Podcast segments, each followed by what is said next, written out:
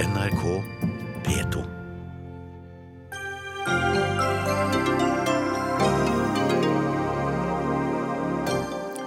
Høyre går til krig mot lærerne, sier SV. Kall det en investering i gode lærere, svarer kunnskapsministeren. Både NRK og VG identifiserer professoren som sendte seksuelt trakasserende meldinger til kvinnelige studenter. Et knefall for gapestokkmentaliteten, mener journalist som møter NRKs etikkredaktør til debatt. Kraftige skogbranner herjer i Sør-Europa. Montenegro ber nå om Nato-hjelp for å stoppe brannene. Og Lommedalen, Røros, Ski og Inderøy blir kalt eh, Norges Toskana. Et mikrobryggeri og noen kornåkre fortjener ikke sammenligningen med Italias perle, så lenge bygda for øvrig ser ut som et ufrisert roteloft, sier kunsthistoriker.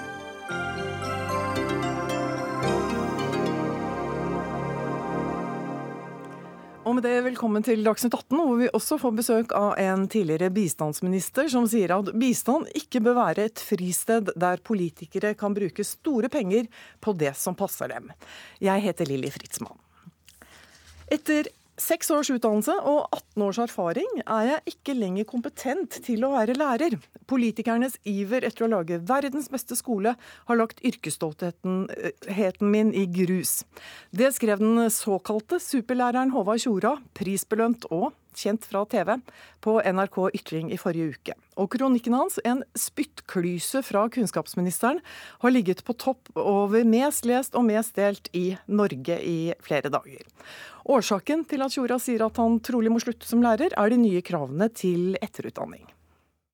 Jeg heter Håvard Tjora og har akkurat fylt 40 år og er lærer. Min utdannelse er ikke lenger gyldig. Jeg er en for dårlig mattelærer. Det er beskjeden som er gitt til foreldre og til elevene mine. Hvis det går dårlig med en av mine elever nå, så vet i hvert fall foreldrene hvor de skal peke. Ja, Det sa Tjora før han dro av gårde på ferie. Og ifølge Tjora så vil 38 000 lærere trenge etterutdanning som følge av regjeringens nye kompetansekrav. Eh, lærere som underviser bl.a. i norsk, engelsk og matte må ha 60 studiepoeng, og det tilsvarer grunnfag. Kari Elisabeth Kaski, partisekretær i SV og førstekandidat eh, til stortingsvalget i Oslo. Du kaller dette en krig mot lærerne. Hvorfor er det det?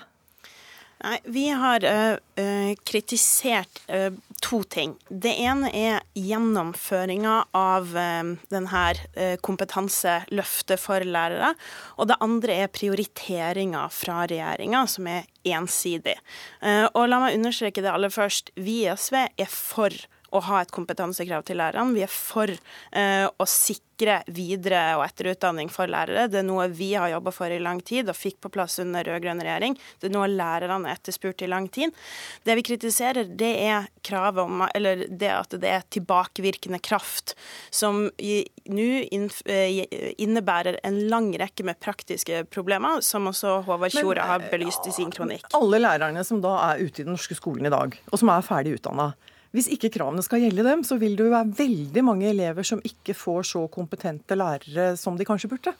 Ja, og det er jo, eh, Da er vi på den andre delen av, av vår kritikk. Fordi eh, Torbjørn Røe Isaksen og Høyre har vært ekstremt ensidig i hva de har vektlagt eh, under sine år som eh, i regjering. Fordi det vi ser nå, det er at samtidig som antallet og andelen ufaglærte lærere i skolen øker, så stilles det da altså stadig strengere og mer rigide krav til de lærerne som eh, som skal undervise, og som har utdanning, og som har vært kvalifisert.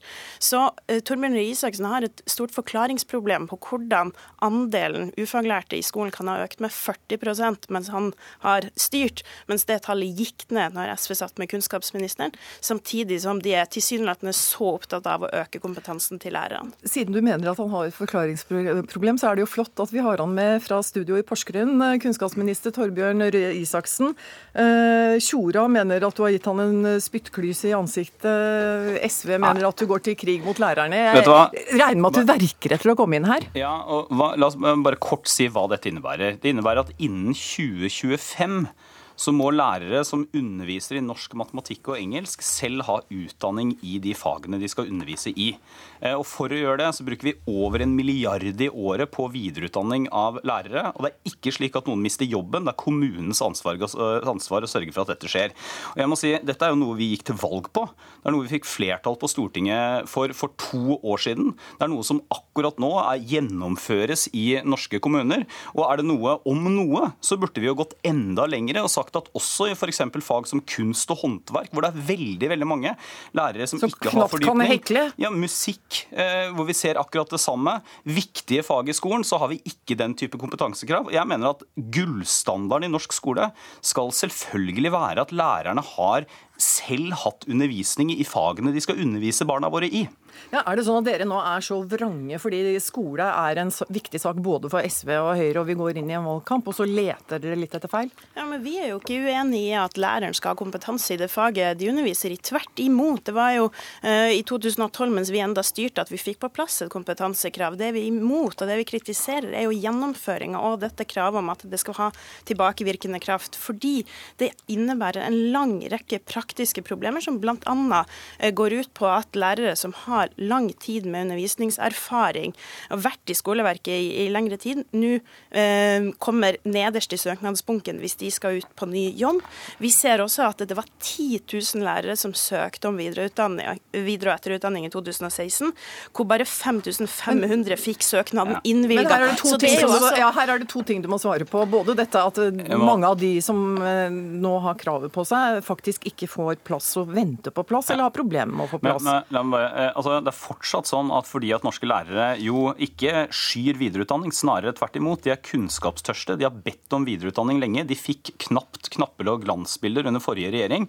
Så har det nå kommet en tredobling både i antallet plasser og i antallet midler, sånn cirka. Så er det nesten 6000 lærere som får videreutdanning bare i år. Men alle får ikke det første året, det er helt riktig. Men i løpet av en tiårsperiode får vi dette til, og det er så, kommunens ansvar men, å få det til. Men du, eh, Også, nei, Et lite øyeblikk, Røe Isaksen. Jeg må bare spørre deg om Håvard Tjora. fordi altså, Han har vakt et helt vanvittig engasjement på NRKs eh, hjemmesider og på sosiale medier.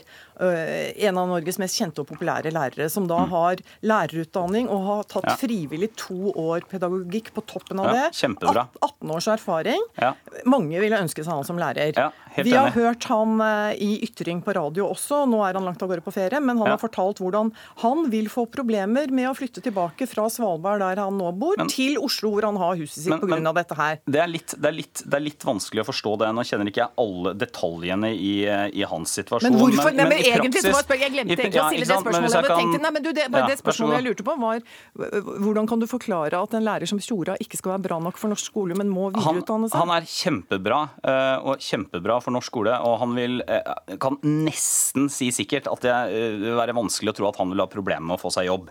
Og Det inkluderer nok også veldig, veldig, veldig mange andre lærere. Men i praksis betyr dette regelverket at hvis jeg har forstått det riktig, så må da også Håvard Tjora ta i løpet av 2025 15 studiepoeng i matematikk for å kunne fortsette å undervise i matematikk. Og han har jo selv i artikkelen sin et veldig godt eksempel på hvorfor dette er viktig. Han skriver at han hadde kunst og håndverk en periode, følte at han håndterte det helt fint. Så kom det en faglærer med utdanning i kunst og håndverk, og det var en helt annen verden. Og så er det jo også sånn at det er jo ikke sånn at vi bare sier til lærerne ta denne videreutdanningen hvis ikke. Det er kommunens ansvar. Vi bruker 1,3 milliarder i året på det. Man kan få stipend for å ta videreutdanning, man får nedsatt arbeidstid for å studere. Og det er altså ingen som mister jobben pga. dette. Eh, paradokset her er jo at det SV vil ha, er jo at disse kravene bare skal gjelde for de nyutdannede lærerne. Men da er, jo, da er jo spørsmålet som man må stille tilbake, det er hvorfor skal det være standarden for de som kommer inn i skolen? Men hvorfor skal vi ikke forsøke i løpet av en tiårsperiode å få det til også for dem som allerede er i skolen? Kaski, altså Må ikke lærere, i likhet med alle yrkesgrupper eh, i en tid hvor det er, altså, utviklingen går framover, man må utdanne seg, man må henge med i svingene i ethvert yrke. Skal ikke da liksom de lærerne som er der ute, jo, også måtte utdanne seg og etterutdanne seg? Absolutt. Og Torbjørn Isaksen slår inn åpne dører. Vi eh, og lærerne har jo bedt om jo. Men du vil jo ikke at det skal gjelde alle de lærerne som jo, er der ute i dag? Jo, absolutt. Og, og når Torbjørn Røe Isaksen snakker så nei, nei, så, Dette må vi skjønne. Ikke tilbakevirkende kraft. Betyr ikke det at de lærerne som er der ute i skolen i dag, ikke skal ha krav på seg til dette? Nei, vi mener at det ikke skal ha tilbakevirkende kraft. Og grunnen til det er fordi, for det første, at vi ser at lærerne har et enormt ønske sjøl om å ta videreutdanning. Det er Over halvparten av de som, som, ønsker videreutdanning, får jo ikke plass. Og for det andre så innebærer det, det tilbakevirkende kravet en enormt lang rekke med praktiske problemer som, som Torbjørn Isaksen ikke kan snakke seg bort ifra, for det er helt reelt. Og jeg kan ikke forstå da hvorfor det her som egentlig skulle være en gladsak, som er at vi endelig får et løft på videreutdanning. Det starta med den rød-grønne regjeringen, har blitt videreført av dagens regjering. Det er kjempefint. Ja, og det er kjempefint. Men likevel så velger altså eh, regjeringa å gjøre det på en måte som skaper massiv konflikt med lærerne. Det er helt unødvendig når vi er enige om at vi trenger å øke, eh, øke innsatsen for å få flere kvalifiserte lærere i skolen, når andelen ukvalifiserte lærere i skolen øker. Så la oss heller fokusere på hvordan kan vi gjøre det her på en måte som ikke skaper så mye konflikt men, men med den yrkesgruppen tror... vi trenger å ha en god ja. dialog med. Nå, nå, vi hadde jo en veldig stor diskusjon om dette for to år siden da dette ble vedtatt. Så Grunnen til at dette kommer opp igjen nå, er jo Håvard Tjora sin kronikk, ikke at vi har kommet med noen nye forslag. Ja, men det er kanskje litt lurt å lytte men, til lærerne i gjennomføringa av det, da. Ja, men det, det, du har sett støtten han har fått fra lærere på sosiale medier og på NRKs hjemmesider. Dette var, dette var kontroversielt, og mange lærere likte det ikke. Men og han har lest av 350 000 eller noe sånt. Men det er like fullt riktig å gjøre, og vi gikk til valg på det å gjennomføre politikken vår. Men så er det også sånn at selvfølgelig så må vi se på om det kommer praktiske problemstillinger rundt dette. Eh, for så er det jo sånn at en del får beskjed om, det skriver Hotjora også, at man må være på skolen ett år etter at man har fått videreutdanning. Det er ikke noe krav fra nasjonalt hold det er en regel de har laget lokalt. Det er heller ikke sånn at vi lager stillingsannonsene som sier at man eh, ikke kan bli ansatt hvis man ikke fyller kompetansekravene i dag. Eh, og Der ser vi på f.eks. er det mulig å gjøre systemet mer fleksibelt, sånn at lærere som ikke har jobb akkurat nå, ønsker seg tilbake til skolen, allikevel kan ta videreutdanning f.eks. Men det er noe annet enn å si det SV gjør. og det er at Vi ønsker ikke disse kravene i det hele tatt for alle som er i skolen. Du, Nå prøver jeg å ta deg på innpust, men jeg er ikke sikker på at du puster fortsatt. Men uh, tusen takk for at du var med oss i Dagsnytt 18 fra Porsgrunn, kunnskapsminister eh, Torbjørn Røe Isaksen. Takk også til deg her i studio, Kari Elisabeth Kaski fra SV. Det aner meg at dette er noe vi skal snakke ganske mye om fram mot 11.9. Eh, takk for at dere kom i dag. Dagsnytt 18 alle hverdager klokka 18. På NRK P2 og NRK2.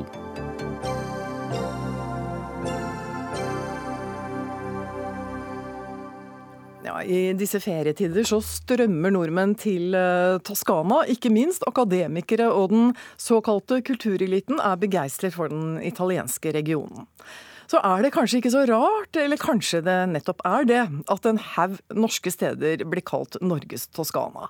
Lommedalen, Sauerad, Røros, Ski, Hadeland og Inderøy.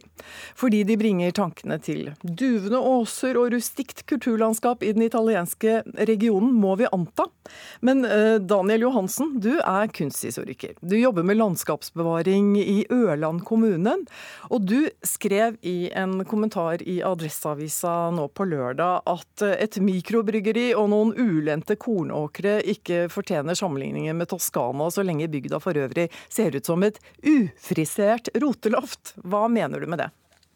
Jo, det jeg mener med det, det er jo at hvis noe virkelig skal bli en ressurs, så må det investeres i det, og det må pleies. Og det gjør vi for tida ikke med de viktigste norske landskapsbildene. Altså, vi har et veldig i europeisk sammenheng svakt fokus på ivaretagelse av vår egen byggeskikk. Vi tar veldig lite hensyn når vi bygger nytt, og vi har et nesten ikke-eksisterende hensyn på felt som beplantning og alleer og steingjerder og stengsler og dammer og bekker og broer og veier og parker og hager og den slags. Men har man egentlig tradisjon for det i Norge på samme måten som eh, i f.eks. Toskana, da?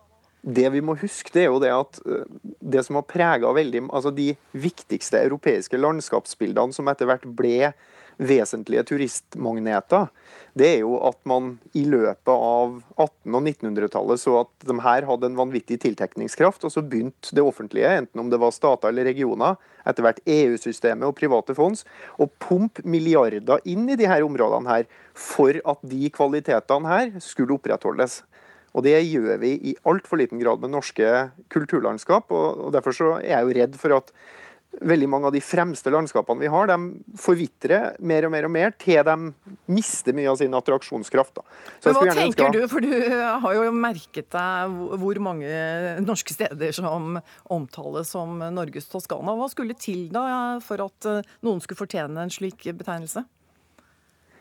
Nei, jeg skulle mye heller ha ønska meg at man har gjort den typen skjøtsel og pleie som man gjør i de landskapene man sammenligner seg med, enn å bare sammenligne seg med landskapene. Fordi at det som skaper, altså, Vi skal jo ikke kopiere Toskana, vi skal bare forsterke de kvalitetene ved våre egne landskap som er de ekte, dem som folk kommer for å se og oppleve. Uh, og, og, det er vi altfor dårlige på. Så, Men du viser til det. andre europeiske land også? Ja, ja. ja altså, I England har, man, har de gjort det bare å, å se på se på enhver engelsk krimserie, så kan du jo se hvordan de bruker de engelske landskapsbildene som en, som en, som en reklame, som en ressurs i enhver sammenheng, bortimot. Uh, og vi bruker jo våre landskaper i Norge også uh, som selvavertering gjennom turistkataloger. Men hvis vi ikke begynner å ta tak i det her, så er jeg redd at vi må begynne å bruke drone når vi skal ta de bildene snart. Da, fordi at uh, det tar seg ikke helt ut sånn med nærsyn lenger. Og det er jo synd. Det er synd. Ida Stuberg, ordfører i Inderøy kommune for Senterpartiet. Inderøy er altså et av de stedene som kalles for eh, Norges Toskama. Toskana. Hva er det med din kommune, mener du, som gjør at dere fortjener betegnelsen? Nei, altså Første gangen eh, Toskana eh, ble trekt, eh, eller det ble trukket assosiasjoner mellom Toskana og Inderøy, det var i SAS Bråtens magasin for en, ja, rundt 15 år siden. Og Det som det er fokus på da, det er jo landskapet og det at det er mye lokalproduksjon av både mat og drikkevarer og overnattingssteder. Så vi har ikke noen sånn aktiv strategi Eh, fra Inderøy jeg om at vi skal kopiere eller være lik Toskana. Men vi ser at det er noen kvaliteter eh, ved ved reiselivstilbudene som vi har i Inderøy, som gjør at noen har valgt å bruke det begrepet om Men Inderøy. Men gjør dere noe for å unngå å se ut som et ufrisert eh, roteloft, eh, som Johansen sier? I, I, aller høyeste grad, og det er kanskje det som er på grensa til å bli provosert over denne kronikken, da, når at det er Inderøy som er trukket frem spesielt som eksempel. Og det dette sitatet som eh, du sa innledningsvis, Inderøy er jo sertifisert som bærekraftig reisemål. Eh, som ett av åtte nasjonale. Og da er jo Blir ikke pen av å være bærekraftig nødvendigvis? Nei da, men vi har et veldig aktivt forhold til kulturlandskapspleie. Det har vi. Det er et aktivt landbruk med offensiv beitebruk som noe av de viktigste forutsetningene for å holde kulturlandskapet i hevd. Men hvorfor syns du det var urettferdig det Johansen skrev? Nei, og Når han eh, trekker frem Inderøy som et eksempel, og så eh, setter opp det her med at det er to gårdsysteri, et mikrobryggeri og noen ulendte kornåkre, ikke fortjener sammenligning så lenge bygda eh, for øvrig ser ut som et ufrisert roteloft. fordi at det er ikke, det er ikke tilfellet. da. Selvsagt kan man sikkert finne enkelteksempler rundt omkring på uh, forbedringspotensialer, men i det store og det hele så er det uh, høy bevissthet ifra alle som driver i uh, i landbruket og i, i reiselivsnæringa i Inderøy. Ja, la oss høre hva Johansen eh, sier. Hvorfor er du ikke helt eh, sjarmert av Inderøy? Jo, jeg er veldig sjarmert av Inderøya. og Det er absolutt et, et nasjonalt viktig landskap. Og, og, men, men det, som er, det, som er, viktig å se på, det er jo at eh, den samme utviklinga foregår i, på Inderøya som, som foregår i, i veldig mange andre av de viktigste landskapsbildene vi har i Norge. og Det er jo at man har for svakt fokus på byggeskikk, for svakt fokus på kulturlandskapspleie. Ganske enkelt fordi at en kommune, og for så vidt en fylkeskommune også, har ikke, har ikke muskler til å gjøre de løftene som er nødvendig. I andre europeiske land så har man store statlige investeringer for å klare det ekstra som kommunene ikke klarer. Og det hadde også Inderøya fortjent. Fordi at uh, Men er det bare ja, det bevilgninger, der, eller vil men... du ha en ny etat? Eller du, øh, hvordan tenker du at dette burde løses? Nei, altså Det finnes mange modeller for det her. da. Det som er viktig, det er jo at man får investeringsmidler og at man får kompetanseheving. Og ikke minst øh, at man får mennesker som arbeider med de her problemstillingene der verdiene er. I England har man noe som heter Area of Exceptional Natural Beauty, som er 40 landskap i England som er plukka ut, som har egne staber, egne særlige tilskuddsordninger til bønder, til huseiere osv. for å Altså De som er pekt ut som de aller viktigste opplevelsesområdene med naturverdier, med kulturlandskapsverdier, de får den typen ordninger i, i England. Det dekker 17% av Englands totale areal, altså England og Wales. Og vi har ingen slik sammenlignbar ordning i Norge. Det er én av flere ordninger som finnes i, i et europeisk land. Ja, hvorfor Så- har vi ikke det? Lene Westgård Halle, du er også med oss. Du er selv bonde og stortingskandidat eh, fra Vestfold for Høyre. Ja, jeg synes, først så vil jeg jo si at jeg syns det er flott at debatten reises. Natur- og kulturlandskapet vårt er jo kanskje den viktigste ressursen vi har i Norge når det gjelder kampen om internasjonale turister. Men så syns jeg jo Johansen har en litt gammeldags tilnærming, og det er egentlig to grunner til det. For det første så blomstrer jo turistnæringen i Norge. Eh, Det går så det gviner. Både landbruket, Bygde-Norge og turistnæringen leverer jo. Vi får ganske mye gratis av naturen vår, da. Ja, men i tillegg så kunne man kanskje, som Johansen sier, gjort litt mer for selve kulturlandskapet. I hvert fall en del steder. Ja, men så er det sånn at eh, for det andre så mener jeg jo det at vi må slutte å gå i den der 'alt er så mye bedre i utlandet'-fella. Det er jo litt sånn, altså Sånn er vi jo litt i Norge. Eh, turismen blomstrer. Vi har fantastiske produkter. Spennende, kortreist mat. Forbrukerne er opptatt, opptatt av det. Men så har vi i tillegg, som du sier, da, vill og vakker natur. Ja, men la oss holde oss nå til det vi snakker om i dag, som er da kulturlandskapene, ikke sant? Mm. Ja. Hvorfor har vi ikke flere ordninger slik som Johansen etterlyser? Nei, så jeg tenker, Vi har jo ordninger, men vi er jo veldig heldig stilt i Norge fordi vi har en veldig sterk friluftstradisjon, og så har vi allemannsretten som en grunnplanke. I tillegg så har vi en veldig sterk eiendomsrett. I Norge så har vi mange grunneiere som setter sin ære i å holde eiendommen i god stand. Og så, og så sier Johansen da at landskapet ikke har noen stab eller ikke noen sånn administrativ enhet som pleier det, men det har vi jo. Vi er jo 45 000, eh, vi har 45 000 årsverk i jordbruket i Norge, og mange av oss som jobber med det, tar jo vare på nettopp Men så eh, kulturlandskapet hver så har vi jo en, noe som heter smilordning, Mm. hvor bønder kan søke penger for å ivareta kulturlandskap. Ja. Men det er redusert med 100 millioner kroner, har det blitt meg fortalt de seneste to årene. Noe som er altså mer enn en halvering. Altså, det så det høres jo ikke ut som noen sånn massiv satsing. Altså, det er jo en av mange ordninger. Smilordningen er jo, for, det er jo spesielle miljøtiltak i jordbruket. Det er for å ivareta natur og kulturminnevern i kulturlandskapene. og Det er 95 millioner som er satt av til det i 2017. For to år siden så var det en avgrensning i det til søkerne. sånn at hvis du da er bonde og leier bort jorda di, så kunne du ikke søke. Det er blitt endra, så nå i 2017 igjen så er jo den utvida. Um, men så er det en ordning til som er eh, dobla, som egentlig er veldig interessant. og Det er en ordning som heter Utvalgte kulturlandskap, som vi i dag har, som er, er i snitt ca. ett i hvert fylke. eh, Som kombinerer da eh, landbruk med å ta vare på biologisk mangfold og nettopp kulturminner. og Det har vært en kjempesuksess, den ordningen. Så Den utvides jo nå og dobles, og, og økes jo da fra 20 eh, til 40. Ja. Du, nå skal vi høre hva Daniel Johansen sier til det han hører fra deg her. Jo, altså, det, det, det er riktig det at vi har en turistindustri som vokser, men problemet er at man, altså man kan lene seg passivt til noe helt til det detter ned. Eh, Og, og, og det er det vi i stor grad gjør med det her, da, fordi at vi investerer så lite i å ivareta nettopp den egenarten som vi bygger mesteparten av turistnæringa på. Altså som, altså vi ser jo etter bestemte kvaliteter i andre land når vi reiser dit. ikke sant? Og så har vi store problemer med å omsette da, det vi faktisk ser etter, til våre egne forhold her hjemme. Og pumpe penger inn i det på sammenlignbart vis med andre europeiske land. Jeg hørte, jeg hun nevnte det at jeg eh, at, at vi skal snakke om at alt er så mye bedre i utlandet. Det jeg er opptatt av, er at vi skal ta vare på særegenheten og kvalitetene i det norske landskapet. Ikke at vi skal kopiere eh, utlandet, men vi kan sammenligne oss med pengebruken deres og fokuset deres og dedikasjonen deres. Ida Stuber. Stuberg, hva, ja, kom igjen. Ja, eh, nei, jeg, er- jeg er for så vidt enig til det som blir sagt i forhold til også, eh, for vi har store potensialer i å få fram eh, våre særegenheter i enda sterkere grad. Og det som er veldig viktig og eh, som fortjener enda større oppmerksomhet, det er nettopp eh, det her med beitebruken i, i hele landet vårt. For når beitedyra forsvinner, så gror eh, landskapet igjen. Og det å se det at den enkelte i landbruket tar et eh, ansvar på vegne av eh, Men, alle. men er det noe konkret eh, din kommune altså, kunne trengt av ordninger, eh, bortsett fra å få en haug med penger, som, for å gjøre dette enda bedre? Ja, nei, altså, vi har òg søkt om å få bli, bli med på det her utvalgte kulturlandskap. Og jeg tror at det er en god ordning, og håper at man satser enda mer offensivt på det. I tillegg til at det var viktig eh, å sikre beitetilskudd på innlandsbeite òg. Eh, hva kommunen ellers trenger, eh, trenger at man fortsatt satser på å profilere Norge og de ulike landsdelene som reisemål også for utenlandske turister.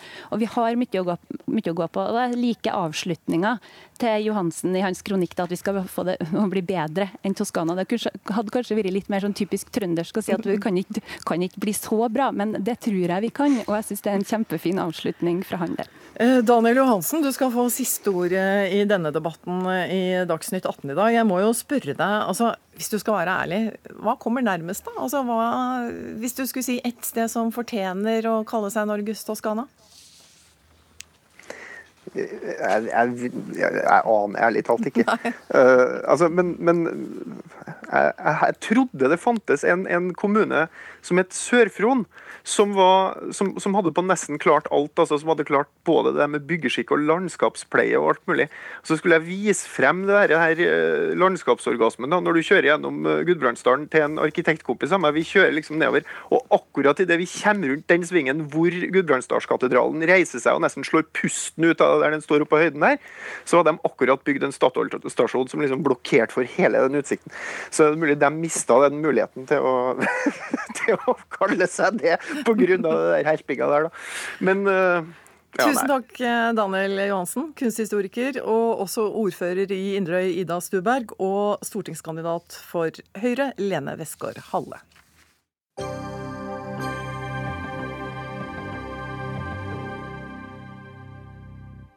Kraftige skogbranner herjer i Sør-Europa. I Kroatia, Montenegro og på Sicilia i Italia er hundrevis evakuert etter at flere branner har brutt ut i nærheten av boligområder og hotellanlegg. Montenegro har nå bedt om hjelp fra Nato for å få kontroll på brannene. Og utenrikskorrespondent eh, Guri Nordstrøm, du er eh, i Split i Kroatia. Hvordan er situasjonen der du er?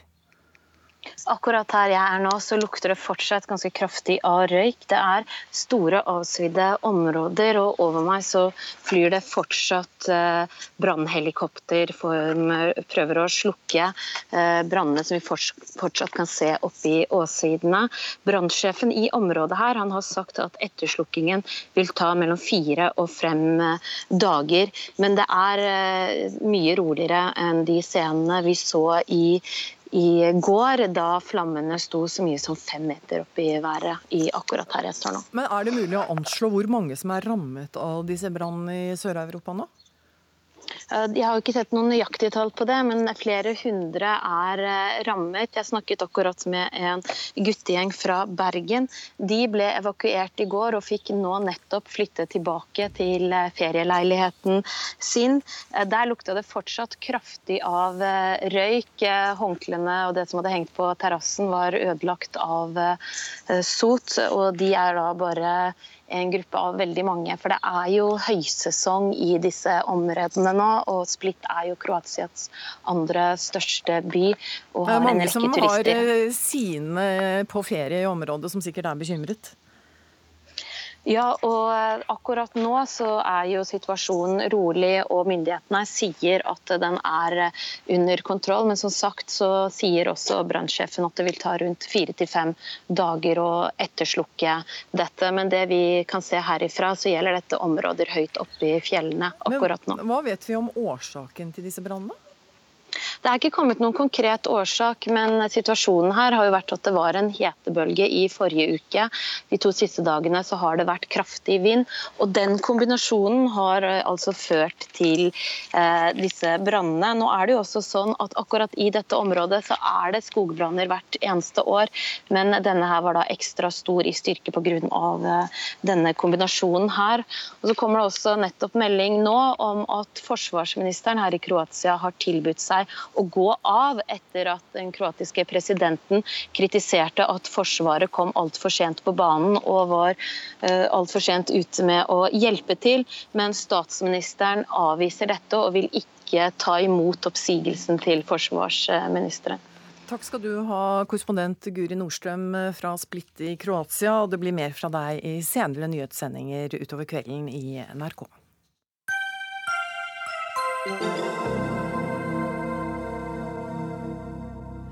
Tidligere i juli vakte det oppsikt at en nokså kjent eh, professor har sendt flere grove seksuelle meldinger til studenter.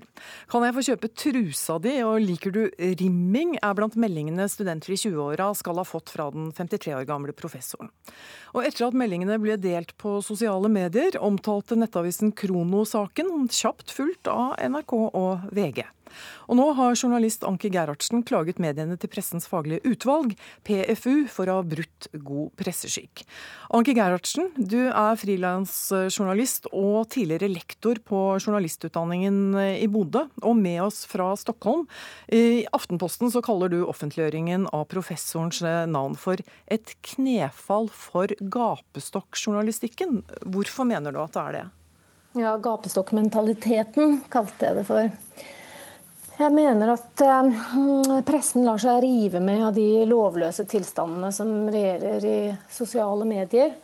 Der kan jo hvem som helst risikere å bli hengt ut offentlig, eh, eller hengt ut til offentlig spott og spe. Det er vanskelig å hindre det, men når pressen hiver seg med folkedomstolen, da mener jeg vi driver med samfunnsskadelig virksomhet. Altså selv drittsekker skal håndteres på en sivilisert måte. Men hvorfor skal man eh, beskytte en eh, ressurssterk professor som sender så grove seksuelt trakasserende meldinger til unge studenter? Ja, hvorfor skal han henges ut med navn og bilde, egentlig?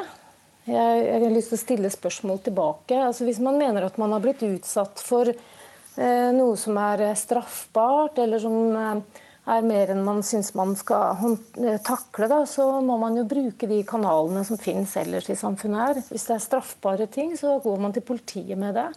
Eh, det er liksom, vi lever i en rettsstat. Vi må liksom forsøke å gjøre ting på en ryddig måte. Men disse Også, meldingene de ble jo da først spredd fordi folk la ut eh, screenshot som det heter på godt norsk, av meldingene på Facebook og Twitter. Mener du at de sosiale mediene på en måte også påvirker eh, medieinstitusjoner som NRK og VG? Jeg syns i hvert fall det er grunn til å spørre seg om de gjør det. Jeg, jeg, mitt inntrykk er at det, når eh, aktører eller mennesker som det er lett å føle medfølelse med, eller som man identifiserer seg med eller syns synd på, så liksom er terskelen for å eh, støtte da, eller eh, følge den eh, tendensen, den liksom, virker å være ganske lav. Per Arne Kalbakk, du er etikkredaktør i NRK. Eh, NRK valgte altså å offentliggjøre navnet på professoren i omtalen av denne siste saken. Hvorfor? Det gjorde vi, eh, og redaksjonen i NRK Rogaland i dette tilfellet, som, som, publiserte saken først, etter å ha gjort en presseetisk vurdering og avveining av det som står i Vær varsom-plakaten, som jo er eh, presseetikken mediene skal følge, i den paragraf 4-7 som handler om identifisering.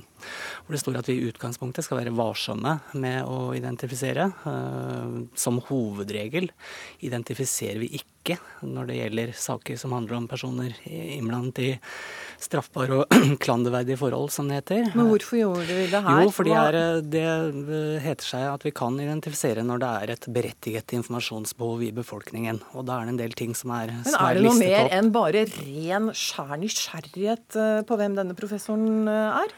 Ja, jeg mener det. Fordi det er i de aller fleste saker, også som omhandler kjente mennesker, så identifiserer vi ikke. Eh, det som var vurderingene som ble, ble, gjort i redaksjonen her, var at eh, han har en samfunnsrolle som er relevant for denne saken. Altså Som professor ved et universitet så har han for det første så har han et eh, ansvar for å representere omdømmet til den institusjonen. Og så kanskje viktigere, han har ansvaret for å makt over en hel mengde studenter. Enten det er nåværende, tidligere eller kanskje kommende studenter, andre studenter ved samme, samme universitet. Eh, så dette var viktig. Og så er det også et moment at eh, det allerede var klart at universitetet tok dette alvorlig, tok det som en personalsak.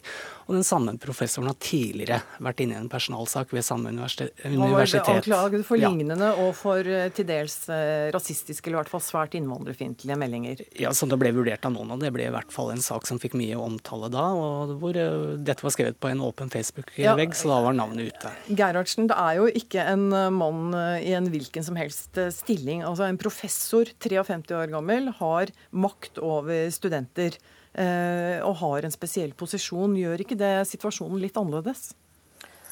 NRK og Krono og VG og tror jeg, har skrevet på en måte som gjør at leseren får et inntrykk av at det er hans egne studenter som har mottatt disse meldingene. De grove meldingene, vel å merke. Og det er jo ikke riktig. Det er jo også egne studenter som har vært ute og sagt at dette har de, har de opplevd med denne ja, professoren tidligere. Det er, en, det er, en, student som har meldt han inn, eh, så vidt jeg forstår. og Til mm. henne så har han skrevet eh, jeg syns du er kul, jeg har lyst til å bli kjent med deg, og sendt noen sånne hjerter. Og kanskje hun ikke likte det, men eh, hvis det fortjener uthengning i offentligheten, så syns jeg det begynner å bli ganske skummelt å bevege seg utendørs. Altså. Det får liksom være grenser. Og jeg synes at det er litt uredelig når det framstilles altså Når du må lese nesten hele saken før du forstår at det dreier seg om kvinner han ikke har hatt noen relasjon til, så vidt, så vidt jeg har klart å lese, i hvert fall, som befinner seg i Oslo mens han er i Stavanger. Altså det, det, er akkurat man liksom skrur det til så mye som overhodet mulig. Da. Eh, og, og, når vi da har å gjøre med en mann som sender meldinger til fremmede kvinner, så skjønner ikke jeg helt hvorfor man liksom skal linke det opp mot han er professor, har ansvar for studenter og kan utøve makt overfor dem. fordi at disse kvinnene hadde han, så, så vidt jeg forstår, ingen makt over det. De sto ikke noe avhengighetsforhold til han. da. Eh, Kalbakk er jo med å offentliggjøre navnet. Så rammer man jo ikke bare denne professoren. Man kan ramme eventuelle barn, ektefeller, foreldre, søsken. Altså, Man rammer ikke bare den man uh, gir ut navnet på. Absolutt, og det er jo derfor vi også er veldig tilbakeholdne med det. Men det som var situasjonen med, med denne saken, og bare for, øh, jeg vil nå si at for vår egen del, så framgikk det veldig klart at de groveste meldingene var sendt til en, en, som var student ved Universitetet i Oslo, i hvert fall nå, og at det også var en annen student som var student øh, ved Universitetet i Stavanger, men ikke ved samme, kan, kan jeg bare få skyte noe, for ja, gjør Begrunnelsen som NRK har, hvis du går på din egen nettside og ser her begrunner NRK hvorfor de har øh, identifisert professoren, så står det at han har makt over disse studentene, står det. Og det er jo ikke tilfellet.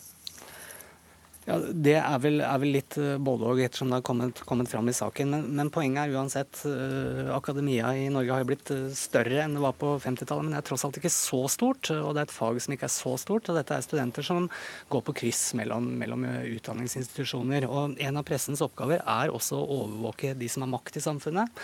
Det er ingen tvil om at en professor har makt i akademia. Uh, utover akkurat de han underviser der og da. og derfor så vurderte vi at i dette tilfellet var relevant å identifisere. Så skal det også sies til det som gapestokkmentalitet. Vi gjorde også noen andre vurderinger. Vi har aldri hatt bilde og navn på forsiden på nett eller i headlines i, i TV-nyhetene, men lenger inne i sakene, som også er en del av den vurderingen som blir gjort. Anke Gerhardsen, du sier at du mener at den utglidningen som har skjedd, begynte etter at Dagbladet ga årets navntittelen til en fornærmet i eh, en mye omtalt voldtektssak i Hemsedal. Hvorfor mener du at det var eh, et eh, skille som gikk ved den saken? Jo, fordi at eh, hun eh, offentliggjorde navnene på de frikjente mennene på sin Facebook-side. Og igjen, det må jo hun bare gjøre. Men når, eh, det var veldig godt kjent at hun hadde gjort det. Og, og etter at det ble kjent, så fikk hun den eh, tittelen 'Årets navn' fra Dagbladet. Og da mener jeg at det, eh, det, det, sender et signal da, om at vi syns det er OK.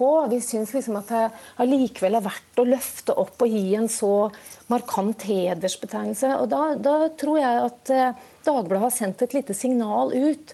At hvis du utsettes for noe som du syns er alvorlig, kritikkverdig, krenkende, så har du fått en slags aksept for å for å henge ut folk. Eh. Kolbakk, eh, hva sier du til det? Mm. Jeg mener at den saken er et veldig godt eksempel på akkurat det motsatte. For disse tre navnene er vel ingen som har blitt spredd så mye i sosiale medier. Og det var ingen av de store norske mediene som brakte navnet på disse tre frikjente mennene. Og da sier vi takk til dere, etikkredaktør i NRK Per Arne Kalbakk og frilansjournalist eh, Anki Gerhardsen. Hør Dagsnytt 18 når du vil. Radio NRK.no.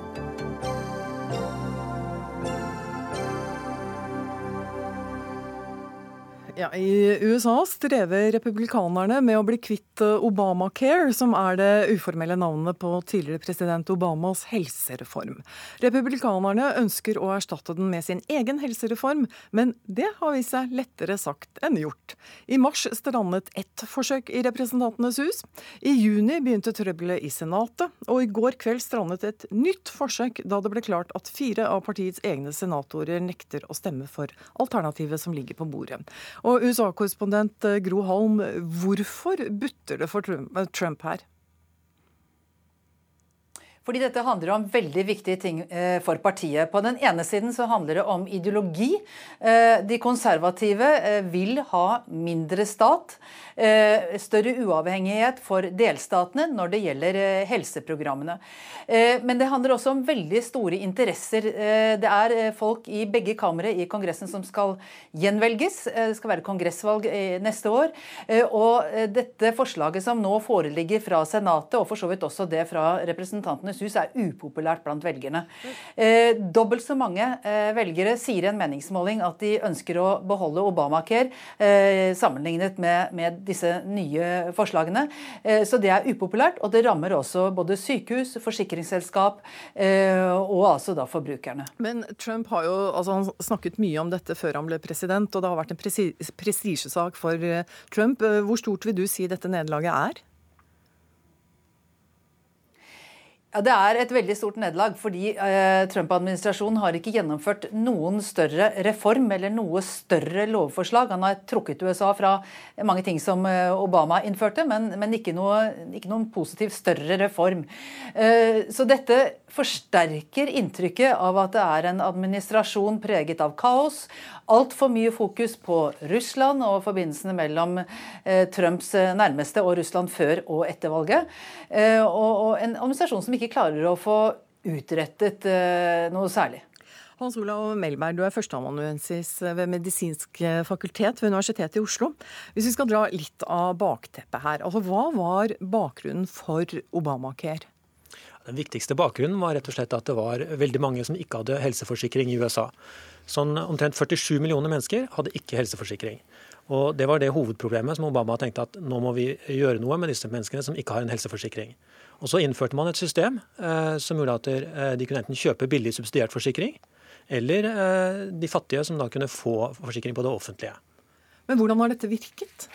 Det har virket i den forstand at 20 millioner mennesker har nå fått forsikring som ikke hadde forsikring før. Så det har vokst. Det antallet mennesker som har forsikring har vokst, og det antallet mennesker som ikke har forsikring har da blitt redusert fra 47 millioner til noe, noe rundt over 20 millioner. Men hvorfor vekker det så hat da, denne reformen? Ja, Det er som det blir sagt her, det er flere ting. Det ene er ideologi. Det er mange som mener at staten skal ikke drive med sånne ting.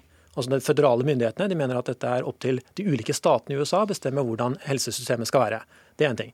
Og så er det kostbart. Det skal man, ikke, man skal ikke si at dette, bare si at helseforsikring er noe vi skal ha uansett. Det koster penger å, forsikre så mange nye mennesker, og man mener at det var for dyrt, og man hadde budsjettunderskudd allerede. Så Hvordan går debatten i USA nå om dette, Gro Holm? Ja, eh, Det er jo da en del som mener på republikansk side, bl.a. visepresidenten og lederen for republikanerne i Senatet, sier at ja, nei, nå må man bare avskaffe Obamacare, og så får man jobbe videre med å prøve å få til eh, noe nytt i de neste to årene. Trump selv har ment det. Eh, det gjorde han så seint som i går, mens han i dag tidlig tvitret at man må bare la Obamacare få fortsette også mislykkes. Noen mener at det er altfor kynisk, fordi det vil jo ramme forbrukere, og det vil skape enorm usikkerhet i markedet. Men hva er er og så er det demokratene. Ja, Demokratene selvsagt, de, de, er åpne for å forhandle eller snakke med republikanerne om en revisjon av Obamacare, som åpenbart har problemer på enkelte områder. Men um, Melberg, hvordan skiller egentlig Trump-care uh, seg fra Obamacare? Altså, Hva er liksom, hovedforskjellene? Ja, den, en av de viktigste forskjellene er som sagt at de ønsker at statene skal få lov til å bestemme hvordan helseforsikringen skal være. Og Det vil bety i praksis det forslaget som er nå, det vil bety i praksis at langt færre mennesker vil få forsikring. For de, de pengene som blir bevilget fra myndighetene og til staten, vil være mindre enn det som trengs for å forsikre alle de menneskene som nå er forsikret. Så i praksis vil det bety at det færre får en forsikring. Men også at kostnadene vil synke. Men hvor dyrt er det amerikanske helsesystemet sammenlignet med f.eks. det norske? Det er, det er veldig dyrt. Eh, I Norge så bruker vi omtrent 10 av inntektene våre, noe i underkant av det, rundt av bruttonasjonalprodukt, bruker vi på helse. I USA så bruker de uh, 17% så det er over 100 000 kroner per amerikaner. Men Hvordan er det mulig, Groholm, at eh, USA bruker så mye mer enn vi gjør i Norge, og allikevel så hører vi tallet, husker jeg ikke i farten, men veldig stor del f.eks. av kreftpasienter som aldri ser en spesialist? Ja, Det skal jeg fortelle deg. Jeg var gjennom helsesystemet for to ulike ting i fjor. og De bruker eh, bl.a. rundt 15% av utgiftene til helsevesenet går til bare å skrive ut regninger. Altså, Det er en regningsskog når man har vært på et legebesøk eller vært på et sykehusbesøk uten like, og det er umulig for folk å få oversikt over det. Så administrative kostnader knyttet til dette at det er veldig mange tilbydere av helsetjenester, altså mange sykehus, mange leger, det er mange forsikringsselskap inne i bildet, det er mange eh, farmasibedrifter bedrifter som har sitt å si. Sånn at det er så utrolig mange aktører, og det å administrere det koster altså rundt 15 Men studie amerikanerne som er så. Amerikanerne som er så til de grader allergiske mot det de kaller big government, hvordan har dette systemet kunnet utvikle seg? Men dette er jo ikke regjeringen eller staten bare. Dette er jo mange mange bekker, som, eller mange aktører som sagt, rundt omkring som har en, et sugerør nede i den store helsekassa. Og det ender da ofte med at det er staten som må ta regningen, ikke minst for de eh, fattige som ikke har forsikring, eller som har dårlige forsikringer. Handikappede, det er jo et eget helseprogram for de fattigste og handikappede, Medicaid, eh, som, som, eh, som Trump-administrasjonen nå foreslår, foreslår å bygge det gradvis ned.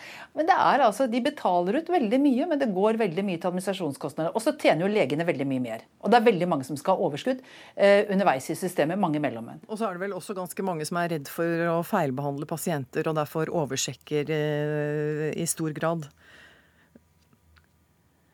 Ja da, det er, eh, det er, man får veldig mye tilbud om ting som kanskje ikke er så veldig nødvendig her. Og vi vet jo også at det har vært en del saker hvor leger eller sykehus har prioritert operasjoner som gir dem store inntekter, framfor ting som gir mindre inntekter og kanskje er mer interessante for, for, for fattigere mennesker. Så, så, det er mye eh, økonomisk, strategisk tenkning ute og går i dette systemet som ikke alltid er til beste for eh, pasientene. Men eh, Melberg, med din kompetanse på dette feltet, ser du noen sånn god amerikansk vei ut av dette? Som vil gi amerikanere flest bedre helse? Helsetilbud? Nei, altså jeg, jeg, ser ikke noen enkel løsning så lenge man har den ideologien at staten ikke skal intervenere eh, og ha en tvungen helseforsikring. Så vil man ha en privat helseforsikring, og, og, det vil være kostbart. Men det kan også gi et godt helsevesen for de som kommer innenfor. Tusen takk skal du ha for at du kom til Dagsnytt 18. Hans Olav Melberg, førsteamanuensis eh, ved Universitetet i Oslo i, eh, ved Medisinsk fakultet, og til korrespondent Gro Holm fra Washington.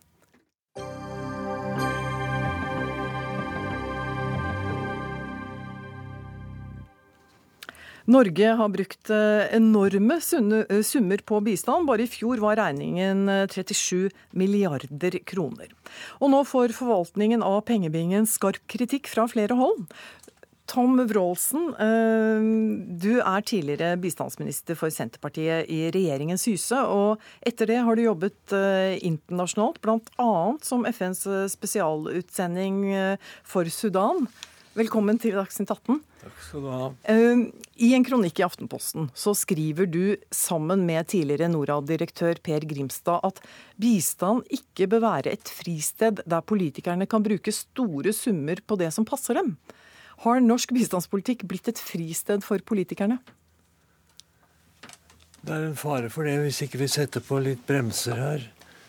Det har vært en utvikling i, i bistandspolitikken som vi syns kan skape uro. På hvilken måte? Hva er det som bekymrer deg? Det som bekymrer meg, er at eh, det er ingen kontroll med de midlene som brukes. Og det er nå spørsmål om bistand, ikke utviklingshjelp. Det er en ulykke etter mitt syn at man skiftet navnet fra utviklingshjelp til bistand, for bistand er så mangt. Men hva er problemet med det man gir i dag? Altså, du sier man ikke har kontroll. På hvilken måte? Hva er det som mangler? Det er rapporteringssystem. Vi går inn for at det skal være rapporteringer hvert år. lages en rapport som går til Stortinget. Og det må gjøres. Vi har, trenger forskjellige krefter inn i det rapporteringssystemet. Og det mener vi ikke nå er tilstrekkelig godt utbygget. Ja, hvilke konsekvenser har det? Hvordan ute i virkelighetens verden? Ute i virkelighetens verden så ser du at det brukes penger på ting som det egentlig ikke burde brukes på, men som ikke rapporteres. Har du eksempler på det? Som du tenker eh, vi ikke burde brukt penger på? Vel, du har et tilfelle i Indonesia. Nå nettopp, ja. Nå nettopp. Med ambassadøren som hadde muligens noe uheldige kontakter. Ja. Og det, mener du det er typisk? Nei, det er ikke typisk, heldigvis. Det er heller unntak. Uh, Marit Berger Røsland, du er statssekretær i Utenriksdepartementet fra Høyre. Har vi god nok oversikt over hvor bistandspengene havner?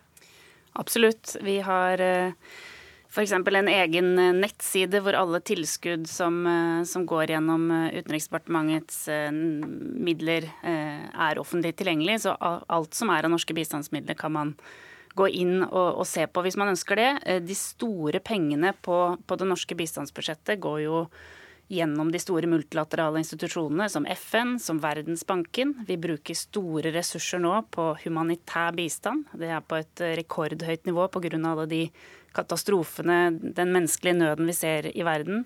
Vi har doblet eh, satsingen på utdanning. Så jevnt over er, er, norsk bistand treffsikker. Vi prioriterer viktige oppgaver for verdenssamfunnet. Nå har jo eh, verdenssamfunnet samlet seg om eh, bærekraftsmålene, som er de vi jobber etter, og som er det som er styrende for alt vi gjør på bistandssiden. Dette høres jo flott ut, Wroldsen. Ja, det er mange vakre ord. Og det ser vi stadig vekk, at det finnes på nye ting, nye slagord og nye vakre ord. Men det er, det er den gjennomføringen som spiller en rolle her. Vi skal få inn eh, en til, eh, og det er Øyvind Eggen. Du er nå seniorrådgiver på Civitas prosjekt om utviklingspolitikk, men du har også vært eh, fagdirektør i Norad tidligere, og også seniorforsker ved Norsk utenrikspolitisk institutt med dette som spesialfelt. Hva, deler du Wroldsens oppfatning her, eller vil du støtte UD? Nei, jeg deler langt på vei Wroldsen sin analyse av problemet. Eh, jeg tror det er ganske presist, og det er et problem som har vært i veldig lang tid i bistanden, men som er litt verre etter hvert. Eh, for så vidt har eh, statssekretæren rett i at det, altså, det, det fins mye dokumentasjon. Det er veldig mye rapportering og det er mye evalueringer av ulik kvalitet. Men problemet ligger i at alt det som skjer av dokumentasjonsarbeid, skjer etter at beslutninger om bistand er tatt. Eh, problemet ligger først og fremst i at UD står ganske fritt til å bruke bistandsmidlene til nesten hva som helst, så lenge det kan begrunnes med et godt formål. Og Det er bl.a. fordi Stortinget har gitt UD ganske stor grad av frie tøyler. Men hva mener du med det? At at... Stortinget har delegert til UD å disponere et stort bistandsbudsjett. Og formuleringene rundt hva det skal brukes til, jeg kan egentlig bare oppsummeres i at det skal brukes til alt godt overalt. Det er en rotete eh, formuleringer av hva som skal være formålet med bistand, hvilke land og institusjoner og regioner det skal gå til, i så stor grad at UD kan stort sett bestemme dette selv. Men er det sånn at vi egentlig bare, så lenge man bruker, eh, eller nærmer seg 1 %-målet, så kan man liksom bare kaste litt penger her og der eh, litt sånn tilfeldig, mener du? Eh, delvis. Stortinget ser jo langt på vei ut til å være fornøyd bare man bruker opp det budsjettet man har satt av. Altså helst 1 eh, Men det må jo sies her at bistand forvaltes i stor grad av veldig dedikerte og samvittighetsfulle saksbehandlere. som går veldig langt for å bruke bistandsmidlene best mulig når de først er beslutta tildelt. Eh, så Det svake punktet går på det at selve tildelingen, altså bestemmelsen om hva pengene skal brukes til. Så lenge det kan begrunnes med et godt formål, så står egentlig UD ganske fritt. Og Det, det er en av de viktigste forklaringene på at det norske bistandsbudsjettet er veldig spredt over uh, veldig mange land, veldig mange tema.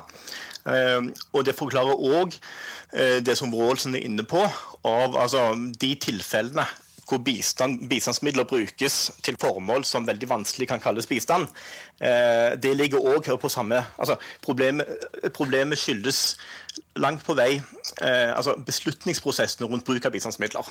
Men etter at midlene er tildelt, så gjør man godt arbeid med å bruke pengene best mulig, og med å rapportere og evaluere osv. Nå må vi få inn eh, Berger Røsland fra UD her igjen. Ja. Er dette et virkelighetsbilde du kjenner deg igjen i?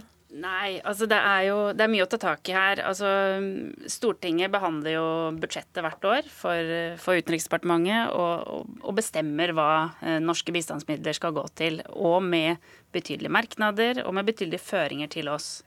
Eh, så har vi FNs bærekraftsmål, som vi har forpliktet oss til å jobbe mot. Eh, vi la fram en egen stortingsmelding for, for, Stortinget nå i vår, hvor vi forklarte hvordan vi hadde tenkt å innrette norsk bistand ut ifra bærekraftsmålene. Men det er ikke første gang vi hører at det er for lite målrettet, Også, at man slenger penger litt her og der.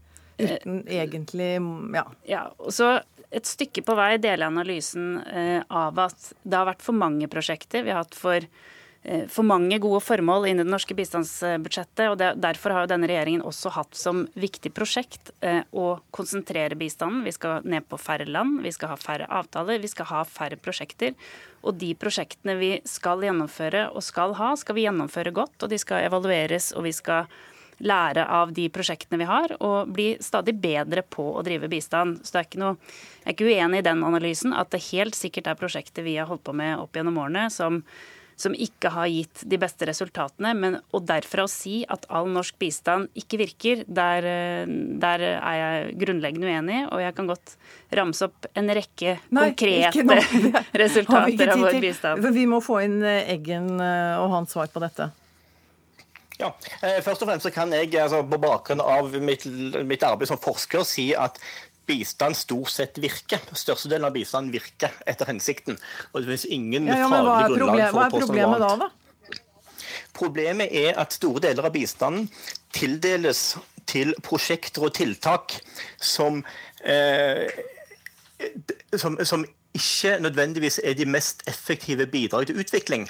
Ofte er det tiltak og prosjekter der hvor UD eh, klarer å slå sammen noen utenrikspolitiske og diplomatiske interesser med, eh, med god bistand. Eh, og at vi generelt ikke har en oversikt over denne porteføljen. At Stortinget, selv om det er helt riktig Stortinget legger føringer, men Stortinget har selv klagt på at de egentlig ikke forstår det budsjettet de vedtar, og de har bedt om en ny budsjettstruktur. Eh, så det er rett og slett Det er en, stor mye penger som da fordeles langt på vei til alt godt overalt. Eh, Men det er jo ikke Det blir ikke nødvendigvis effektivt av. La oss få inn eh, Tom Rolsen igjen. Altså, hvilke konkrete endringer skulle du ønske deg? Jeg skulle ønske at vi fikk et system hvor vi brukte mer fagfolk. F.eks. Norad sitter jo inne med masse ekspertise og kunnskaper, men er nå på mange måter blitt sidelined. Det brukes ikke som det ble brukt før. Så vi går, tar nå til orde for at man øh, oppretter et nytt utvalg, hvor bl.a. LO og NHO sitter, fagfolk sitter, og øh, bistandsadministrasjonen sitter. Og disse kan gå igjennom prosjektene på en skikkelig måte og stille krav og kriterier for hva som skal gjøres og så får de da midler over budsjettet til det. Og så deretter følger en rapportering fra de tingene. Og her vil vi gjerne nå også trekke inn Riksrevisjonen, som kan se hvorvidt dette er gjort i henhold til de avtaler som er inngått. Er dette ideer du kan være med på, Berger Røsland? Altså, vi har eh, nylig flyttet mer tilskuddsmidler tilbake til Norad. Her har det jo pendelen svingt litt, eh, litt, begge veier. Hvor mye som skal ligge i Norad og hvor mye som skal ligge i Utenriksdepartementet. Vi har nylig flyttet uh, utdanning, helsemidlene tilbake til Norad. Så et stykke på vei så, så, så er jeg enig i det. Det, ikke, det, altså, han, det, skal jo sies at han er ikke den første bistand, tidligere bistandsministeren som er ute og kritiserer bistandspolitikken. Altså, Erik Solheim var også ute for eh, en stund siden og stilte store spørsmål ved effekten av norsk bistand. Mm. Men jeg syns debatten blir veldig snever sånn som den, som den rettes inn i kronikken. Fordi altså, at andre formål nå trekkes inn i, i bistandspolitikken. Det handler jo om at land skal kunne drive utdanningssystemene sine selv. De trenger et godt fungerende skattesystem for å få egne inntekter. og det verden har gått videre siden 90-tallet og bistandsdebatten den gang. Du, jeg må dessverre være litt uhøflig og, si takk til deg, Marit Berger Røsland. Takk også til Tom Rolsen og Øyvind Eggen. Vår tid er rett og slett over i Dagsnytt 18 i dag. Eh, ansvarlig for sendingen var Gjermund Jappé. Det tekniske ansvaret hadde Lisbeth Sellereite. Jeg heter Lilly Fritzmann.